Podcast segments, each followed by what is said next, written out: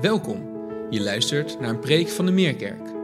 We hopen dat je door deze preek geraakt mag worden door de liefde van Jezus. En dat je aangemoedigd mag worden om Hem samen met ons te volgen en van Zijn liefde te getuigen.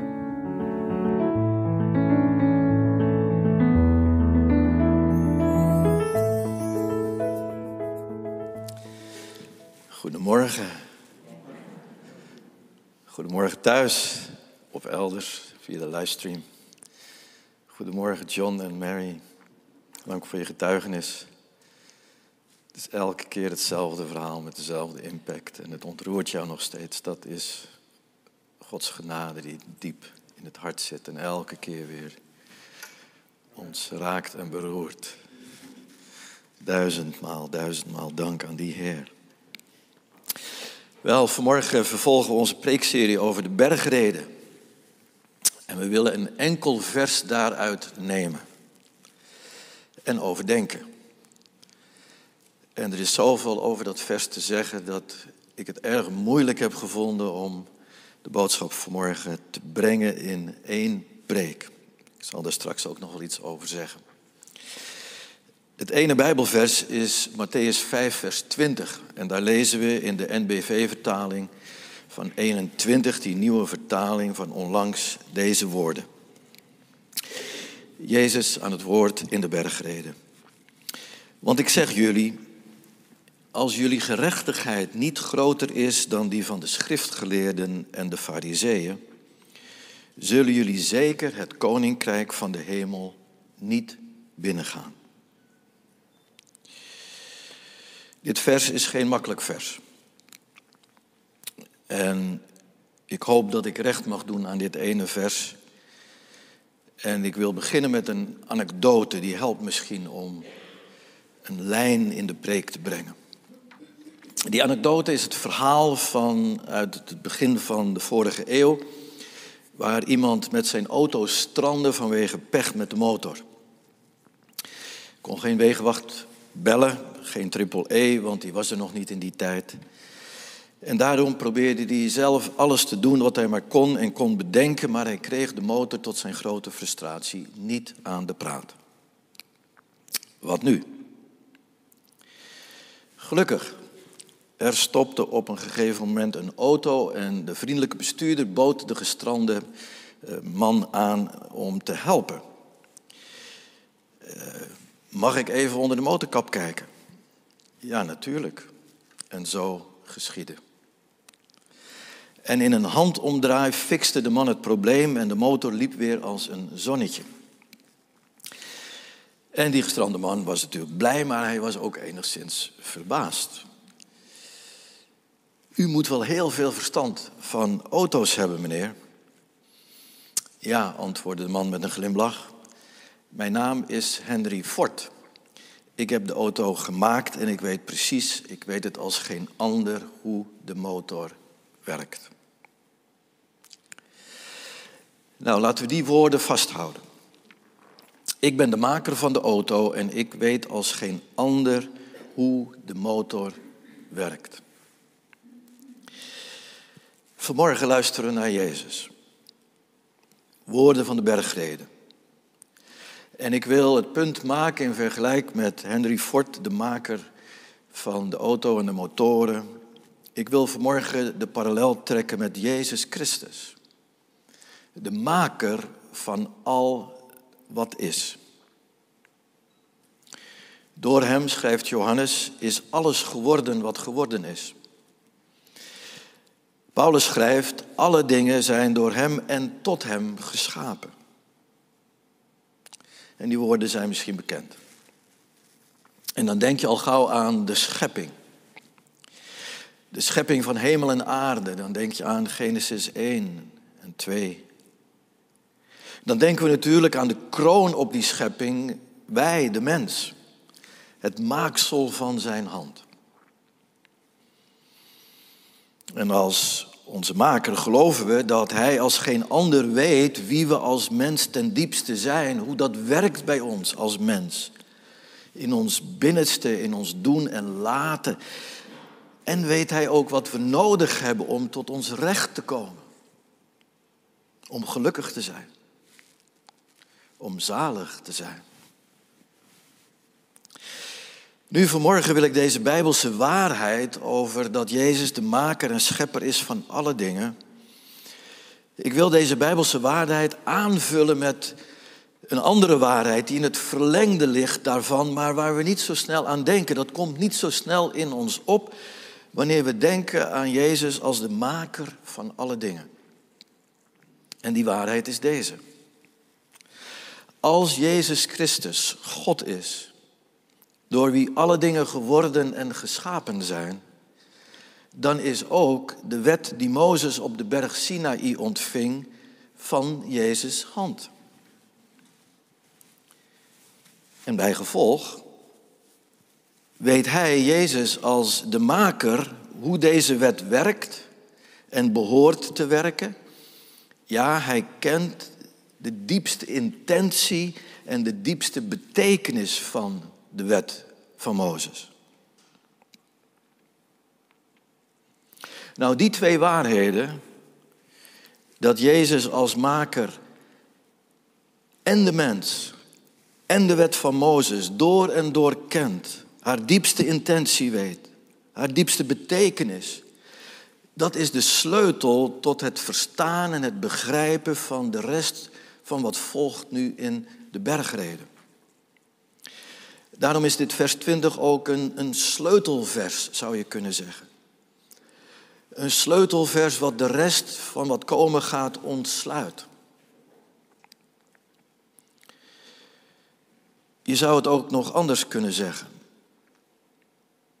Jezus, de maker, kan als geen ander de mens lezen en hij kan de wet lezen. We zeggen wel eens, oh die man, die, die, die, als je, stel dat je een, een, een, psycholoog of een psychiater zou hebben of een pastoraal werker of wie dan ook, een broeder of zuster, die zegt, oh die persoon kan mij lezen, ik, ik, ik voel me zo gekend. Dit is wie ik ben en dit is wat ik nodig heb. Nou, Jezus kan in die zin mensen lezen, meer dan wie dan ook. En hij kan de wet lezen, meer dan wie dan ook. Nu waren er in de tijd van Jezus religieuze leiders, schriftgeleerden en fariseeën. En zij gingen er prat op om de wet te lezen, uit te leggen en te zeggen, wij zijn de enigen die de sleutel hebben tot de wet van Mozes. En straks zullen we zien, aanstaande zondag en de komende zondagen, dat Jezus nu precies hen aanspreekt en zegt, er is gezegd tegen jullie voorouders, tegen jullie voorgeslacht, tegen het volk. En dan komt er bijvoorbeeld, gij zult niet doodslaan.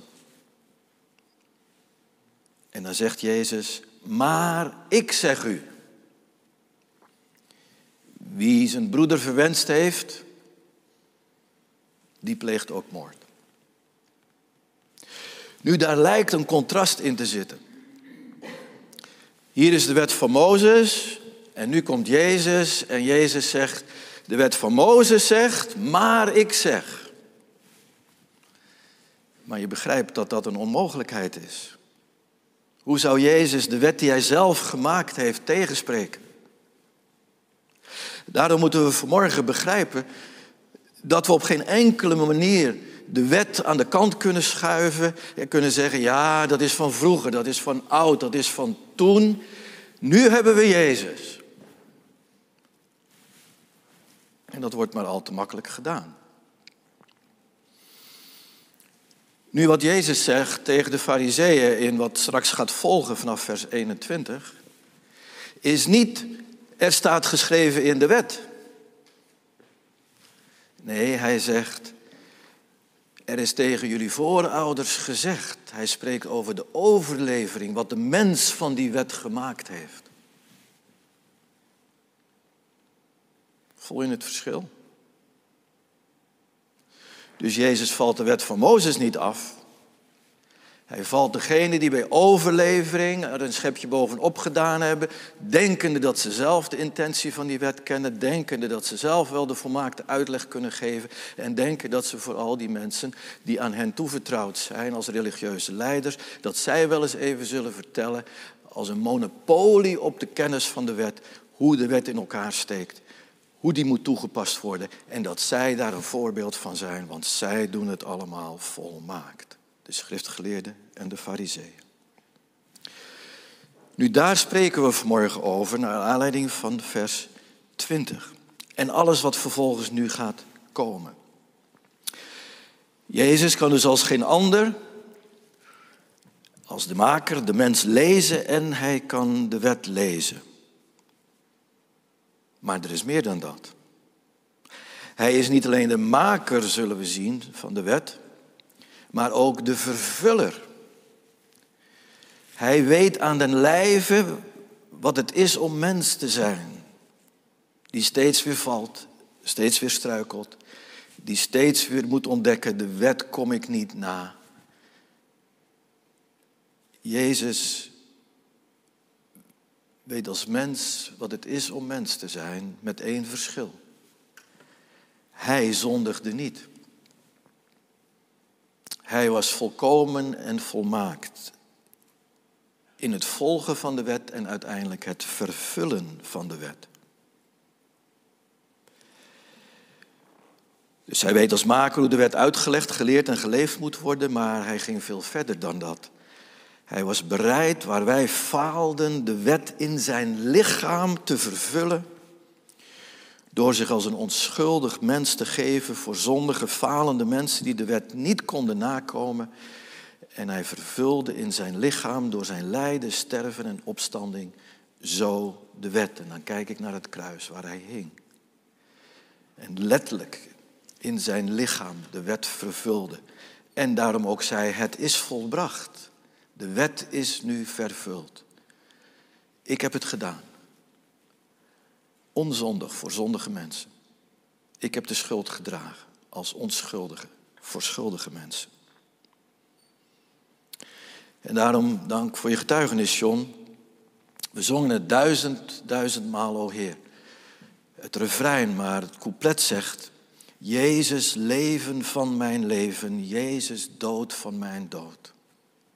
Dat is ten diepste de rechtvaardiging die Jezus voor ons bereid heeft, die genoemd wordt in de Bijbel, de gerechtigheid van God, die wij niet konden volbrengen, heeft Hij volbracht.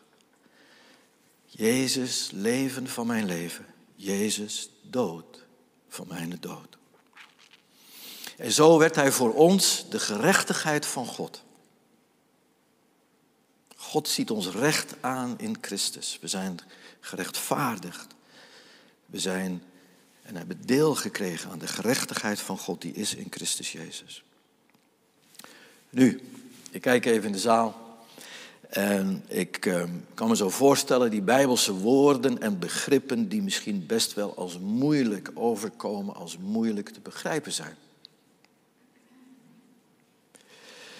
En ik ben daarom ook blij met het getuigenis van John.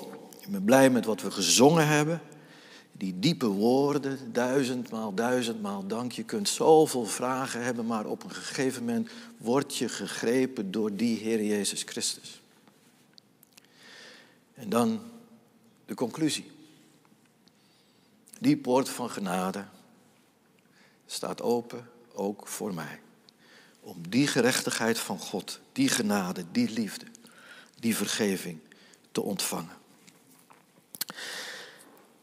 Nu, vanmorgen proberen we in één preek, wat een sleutelwoord is in vers 20, daar iets meer van te begrijpen. En ik ben natuurlijk ook blij met de alfacursus, acht avonden om alle rust en vrede met elkaar te spreken en te bidden.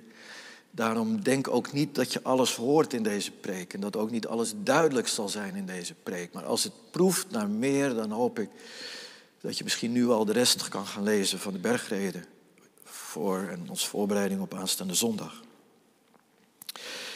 Maar laten we vanmorgen toch in het korte tijdsbestek van één preek proberen dit deel van de bergreden zo goed en zo kwaad als het gaat recht te doen. En dan moeten we direct terug naar de context van die tijd. Het is daarom belangrijk om te weten, 2000 jaar geleden, dat Matthäus zijn evangelie schreef voor het Joodse volk. Het Joodse volk dat als geen ander volk van God zo had meegekregen rechtvaardig te zijn. En een gerechtvaardigd leven te leven en gerechtigheid te doen en gerechtigheid te kennen, dat stond zo centraal en behoorde centraal te staan bij het volk van Israël.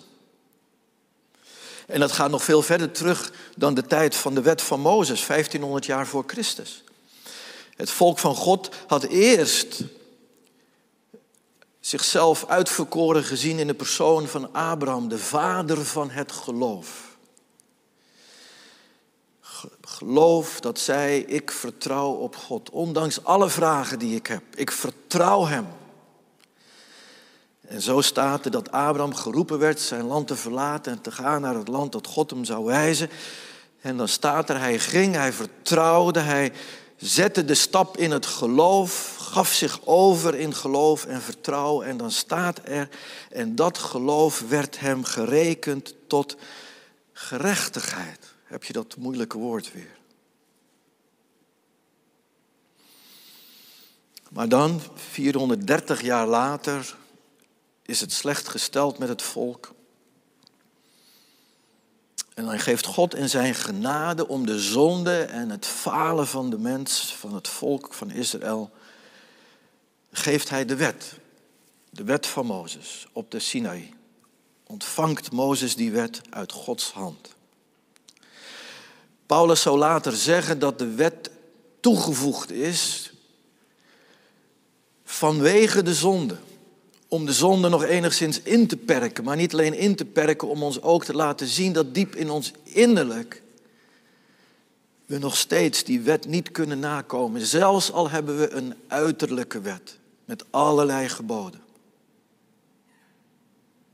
Nu, dat is de context van de bergreden. De bergreden die Jezus uitspreekt 1500 jaar later aan zijn eerste volgelingen, zijn eerste discipelen. Maar intussen is hij zo bekend dat er ook een hele groep van mensen daaromheen hem in de gaten houdt. De leiders van het volk. Maar vooral een hele grote groep die ook ergens proeft.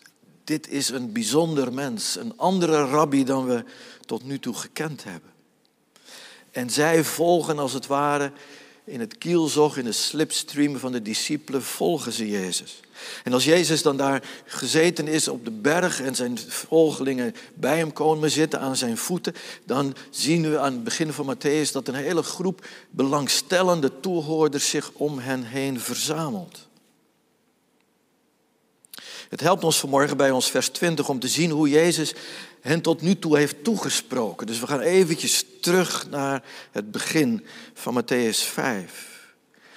Daar zien we natuurlijk, en die hebben we gehoord, eerst de zaligsprekingen. En dat moet enorm gesproken hebben tot het hart van die toehoorders. Jezus schetst dat een volgeling van Hem er zo anders uitziet dan misschien de volgelingen die zij nu zijn van religieuze leiders. En hij verklaart hen zalig, gelukkig, gelukkig als je. En de Joodse toehoorders zullen gedacht hebben, wat zijn deze woorden bijzonder? Wat raken ze ons hart? Wat zijn ze balsem voor onze ziel? En dan beschrijft Jezus in die zaligsprekingen ook hoe een volgeling van Jezus eruit kan komen te zien als hij of zij hem gelooft, hem vertrouwt, hem ook gaat volgen. Dan worden ze mooie mensen. Arm van zichzelf, maar rijk in hem. Eerste zaligspreking. En de toehoorders zullen, en nu komt het, en nu voelen we de spanning. En de toehoorders zullen bewust of onbewust een vergelijk gemaakt hebben met hun eigen religieuze leiders en leraren, de rabbies en leiders van hun tijd. Zij, die leiders en leraars, benadrukten zo anders dan Jezus.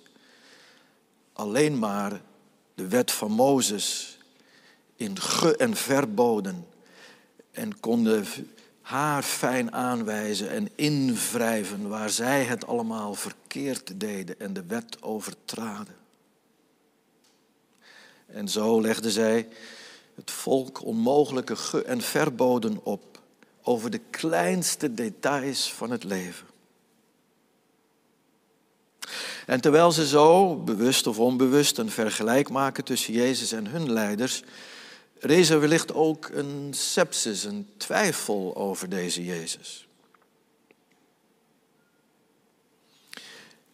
En het zou me niet verbaasd hebben, we lezen het niet, maar het zou me niet verbaasd hebben dat na die mooie zaligsprekingen er een licht geroezemoes door de menigte gaat. Ja, hoe warm die woorden van Jezus ook. Hoe het ook spreekt tot ons hart, maar wat als deze Jezus het belang en het gewicht van de wet van Mozes bagatelliseert of erger teniet doet?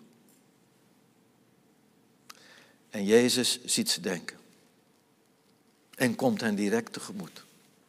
Vers 17. Denk niet dat ik gekomen ben om de wet en de profeten af te schaffen. Ik ben niet gekomen om ze af te schaffen, maar om ze tot vervulling te brengen. Vervulling door zelf de gerechtigheid van God te worden. Dat zegt hij er op dat moment nog niet bij, maar we zien het komen. Niet alleen in de bergreden, maar natuurlijk ook in de rest van Matthäus en de andere evangeliën.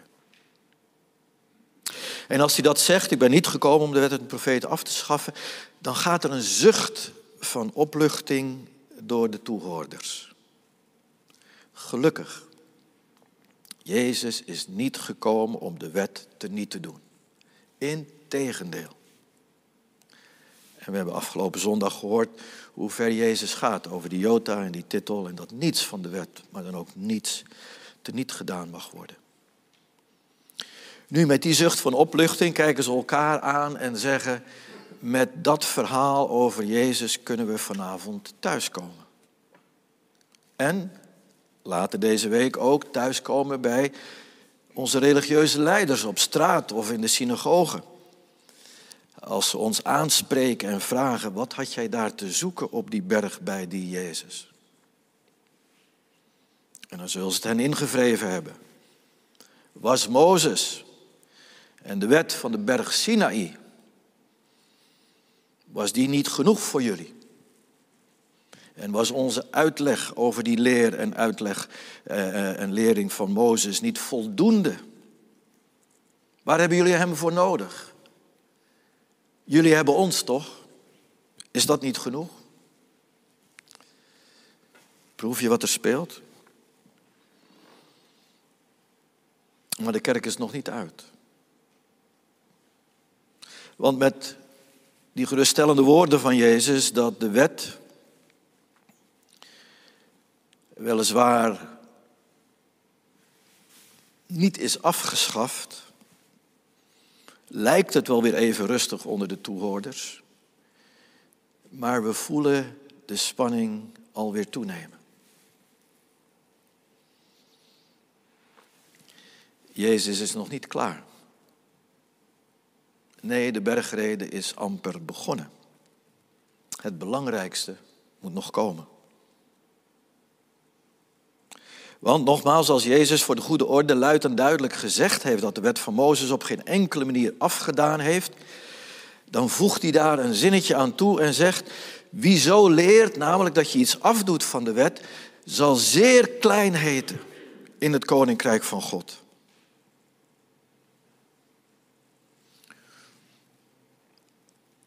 En na over klein gesproken te hebben, zeer klein,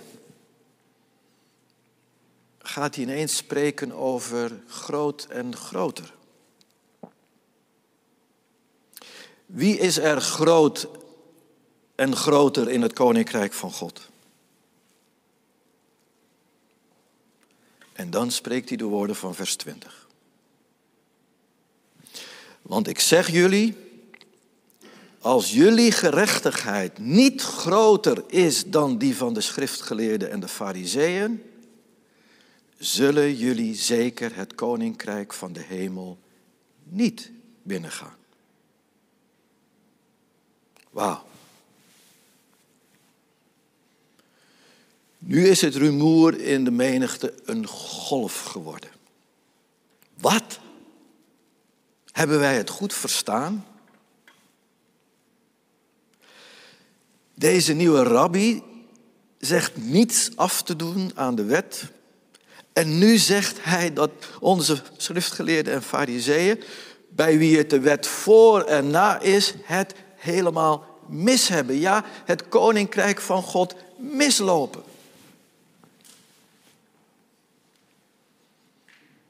En er staat niets over geschreven. Maar ik denk dat sommige toehoorders uit onbegrip en misschien ook wel boosheid opgestaan zijn en weggelopen van de berg. Maar de meesten zullen vanaf dat moment hun oren gespitst hebben en hun harten meer geopend. Want de woorden van Jezus klinken als goed nieuws. Ze klinken als evangelie, dat is de betekenis van het woord. Goed nieuws, blijde boodschap. Waar zij zo lang naar gehunkerd en gesnakt hebben.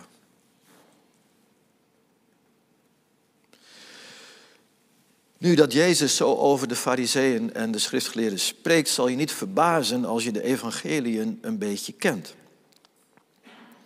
Ze hadden bepaald niet de reputatie van liefde, genade en begripvolle mensen met een enorm pastorale inborst. Ze waren niet empathisch, om het maar even in psychologische termen te zeggen. We lezen in de Bijbel in negatieve zin over hen. En steeds weer dat zij de wet gebruikten om het volk, de mens, zware lasten op te leggen. Jezus zegt dat zelf ook een paar hoofdstukken later in Matthäus 11. Een tekst die denk ik voor velen misschien wel de aanleiding is geworden om je leven aan Jezus toe te vertrouwen, zoals John. Dan spreekt hij in Matthäus 11 hoe de religieuze leiders een zware last en een schurend juk op het volk leggen. En dan zegt hij, kom maar bij mij. Als je vermoeid bent en belast en ik zal je rust geven, want mijn last is licht en mijn juk is zacht.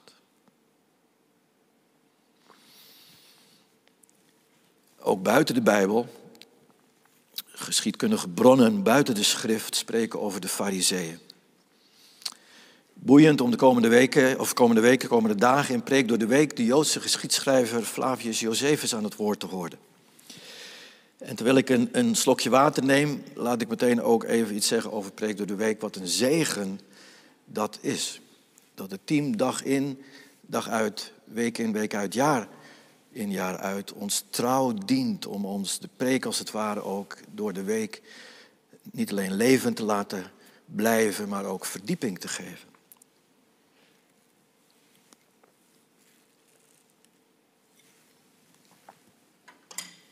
En wat een bonus, onze podcast. Tik in Meerkerk in je podcast, uh, Spotify of welke je ook hebt. En uh, je komt bij de preek in de podcast, maar ook bij preek door de weken. Want het is heerlijk om in deze coronatijd een wandelingetje te maken met je oortjes in. En gevoed te worden met de woorden die we zondag met elkaar overdacht hebben. Zeg het voort, zeg het voort zou ik bijna willen zeggen. Ik zeg het. Mooi net, ik zei het. Wel, terug naar vers 20. Het hoge woord van Jezus is er dus uit. Nu kan hij gaan vertellen wat die gerechtigheid is, die groter is dan die van de fariseeën en de schriftgeleerden. En de rest van de bergreden zijn voorbeelden van die gerechtigheid. Er komen onderwerpen aan bod. Doodslag, het huwelijk, echtbreuk. Een zestal grote onderwerpen, maar dat zijn geen studies over die onderwerpen. Dus denk niet, we krijgen een studie daarover straks. Nee, het zijn voorbeelden van hoe de wet misbruikt werd door de fariseeën en hoe Jezus dat recht zet en het gaat hebben over ons hart. Want daar moet de gerechtigheid plaatsvinden. Daar moet Jezus zijn werk doen en zijn volbrachte werk moet bij ons die vernieuwing, ja, een nieuw hart geven. De gerechtigheid van God, die is geworden en ons deel is geworden in Christus Jezus. Weer die moeilijke woorden. Maar nu begrijp je het. Die gerechtigheid is zo anders dan die van de fariseeën en de schriftgeleerden. En hier in vers 20 legt Jezus dus de basis en het principe van die gerechtigheid die Hij zelf geworden is voor ons. En hier kijken we ook in het hart van God zelf. God in Jezus Christus, schepper van alle dingen. God als maker van de wet van Mozes. Hij die het beginsel geeft aan ons. In den beginnen we leven in een tijd waar we heel veel duiken op details. Vaak horen het. Hoe denkt de meerkijk over dit en hoe denkt de meerkijk over dat? En ik heb altijd enige terughoudendheid om daarover te antwoorden, want die vragen worden meestal gesteld omdat we de beginselen niet kennen. Het fundament niet kennen.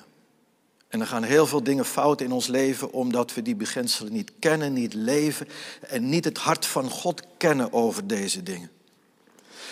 En voordat je het weet, ook als kerk word je een schriftgeleerde en een fariseer die lijsten heeft van zo denkt de meerkerk over dubbele punt, zo denkt de meerkerk over dubbele punt, zo denkt de meerkerk over dubbele punt. En we hebben het nooit gedaan. En we zullen het ook niet doen. Onze roeping is zoals Jezus doet in de bergreden ons het hart van God te tonen, het beginsel van de gerechtigheid Gods in Jezus Christus. Nu aan dat beginsel, om dicht bij die bron te zijn, is enorme behoefte vandaag. En Jezus liet zich ook nooit op dat punt uh, uh, in een hoek drijven. Juist niet door de fariseeën en de schriftgeleerden. Die hem probeerden te zeggen, nou er zijn heel veel wetten, maar wat, wat is nou de belangrijkste wet? Is het dat we God moeten liefhebben of de mens? Alsof dat, die twee elkaar uitsloten. En als Jezus zegt over, over, over God, dan, dan drukken we hem in de hoek met mens. Wat hij daarover niet zegt. En als hij iets zegt over de mens dan druk, en, en, en niet zegt over God, dan drukken we hem in de hoek en dan hebben we hem te pakken. En dan antwoordt Jezus, zal het je vertellen. Het beginsel is, ik die God ben en de mens kent, en dus ook de wet, ik heb hem gemaakt, mag ik het gewoon maar simpel samenvatten. Het beginsel is dit. Heb God lief boven alles en uw naaste als uwzelf. Nou, daar hadden ze geen antwoord op. Het diepste beginsel van de heilige schrift in Jezus Christus geopenbaard, door wie alle dingen zijn geworden en geschapen. En wie mij kent, een beetje weet dat een van mijn favoriete teksten uit Romeinen 11 komt aan het eind. Uit hem, door hem en tot hem zijn alle dingen. En als je dat als beginsel hebt, dan heb je een enorme voorsprong in het leven, maar ook hier in de bergreden om die te begrijpen.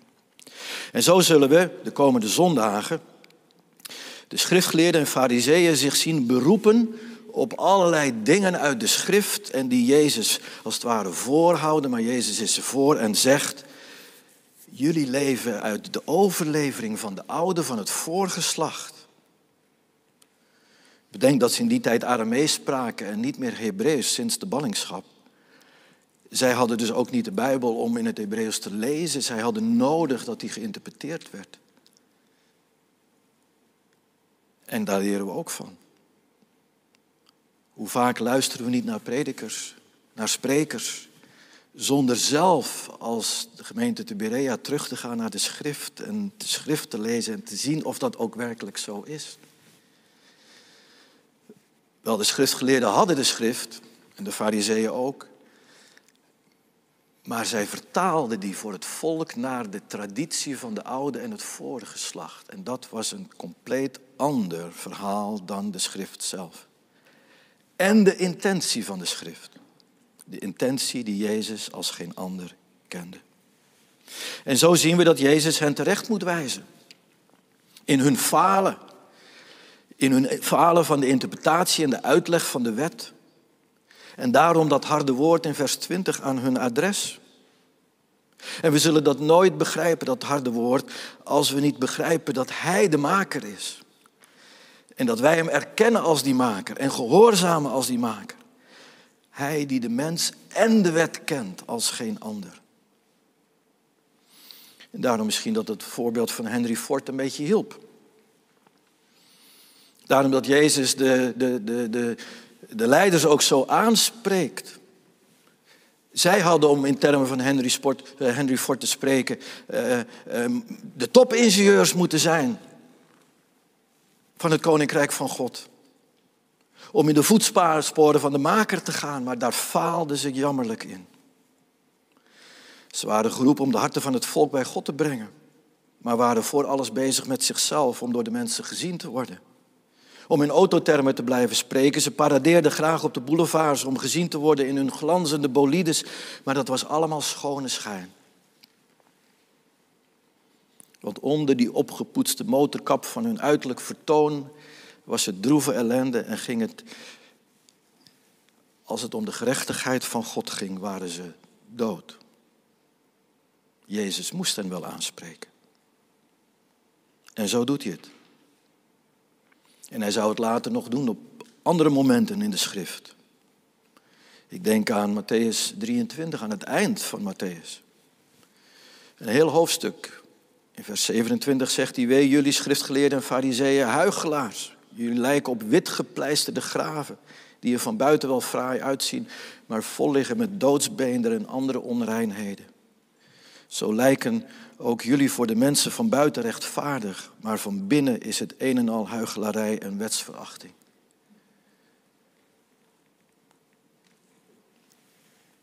Jezus is hard, maar hij moest hard zijn. Want het ging om een zaak van leven en dood. Het ging om de zaak van het heil. Het ging om het, de heilsgeschiedenis van Genesis 1 tot wat zou later zijn het boek Openbaring. Hier spreekt de kern en de essentie en de betekenis van God in relatie tot de mens en in de komst van Jezus Christus, de gerechtigheid van God. Nu, volgende week praten we daar verder over. Maar nu wil ik eindigen met een vraag. Een persoonlijke vraag. Hoe zit het met jou? Onder de motorkap van je hart. Hoe zit het met jou? Onder de motorkap van je hart. Misschien sta je wel als een die gestrande mobilist, automobilist, langs de kant van je levensweg en kom je niet meer vooruit. Misschien heb je net als hij van alles al geprobeerd, maar van binnen zit het niet goed en je bent vastgelopen.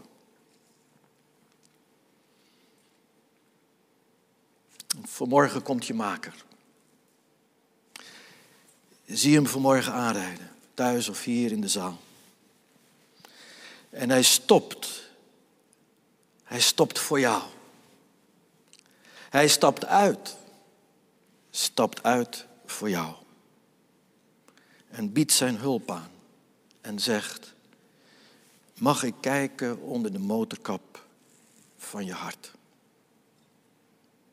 Mag ik kijken onder de motorkap van je hart?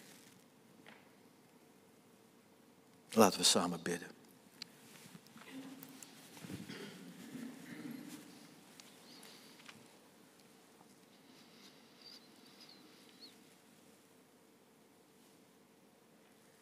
Heer, we willen danken voor het lied wat we mochten zingen. Soms kan één zin uit een lied meer zeggen dan een hele preek. Jezus leven van mijn leven. Jezus dood van mijn dood. Dank voor het lied over die poort. Vanmorgen komt u langs en vraagt: mag ik kijken onder de motorkap van je hart? En dan wil u daar uw genadewerk doen. Uw vergeving. Uw liefde betoon. Uw aanraking. En dan kijk je misschien en zegt, ja, maar is het wel voor mij? En dan zegt u, ook voor jou, ja, zelfs voor jou. En daarmee kan niemand zeggen, onder de motorkap is het een hopeloze zaak voor mij. Alles is al geprobeerd. Ik heb zelfs alles geprobeerd, maar het is me bij de handen afgebroken. En het zal ook wel nooit meer iets worden met mij. O, Heere, Heere. Wilt u hier door de rijen gaan? Wilt u thuis op de bank of waar gekeken wordt, alleen of samen met anderen? Wilt u ons aanraken in deze momenten van stil gebed? Dat niemand, maar dan ook niemand zal denken, als ik gestrand sta op mijn levensweg, zal Jezus aan mij voorbij gaan en zal hij me niet zien staan. Nee, nee, nee. Dat is een leugen van de duivel. Evangelie is goed nieuws. Ook, ja, zelfs voor jou. Hoe je ook gestrand bent en hoe ellendig je er ook aan toe bent. O Heere, spreek in deze momenten tot ons hart. En mogen we u aanvaarden als onze Verlosser en Heer, de gerechtigheid van God. Jezus, leven van mijn leven. Jezus, dood van mijn dood. O Heer, doe het in deze momenten van stil gebed. Doe het door het werk van uw Heilige Geest.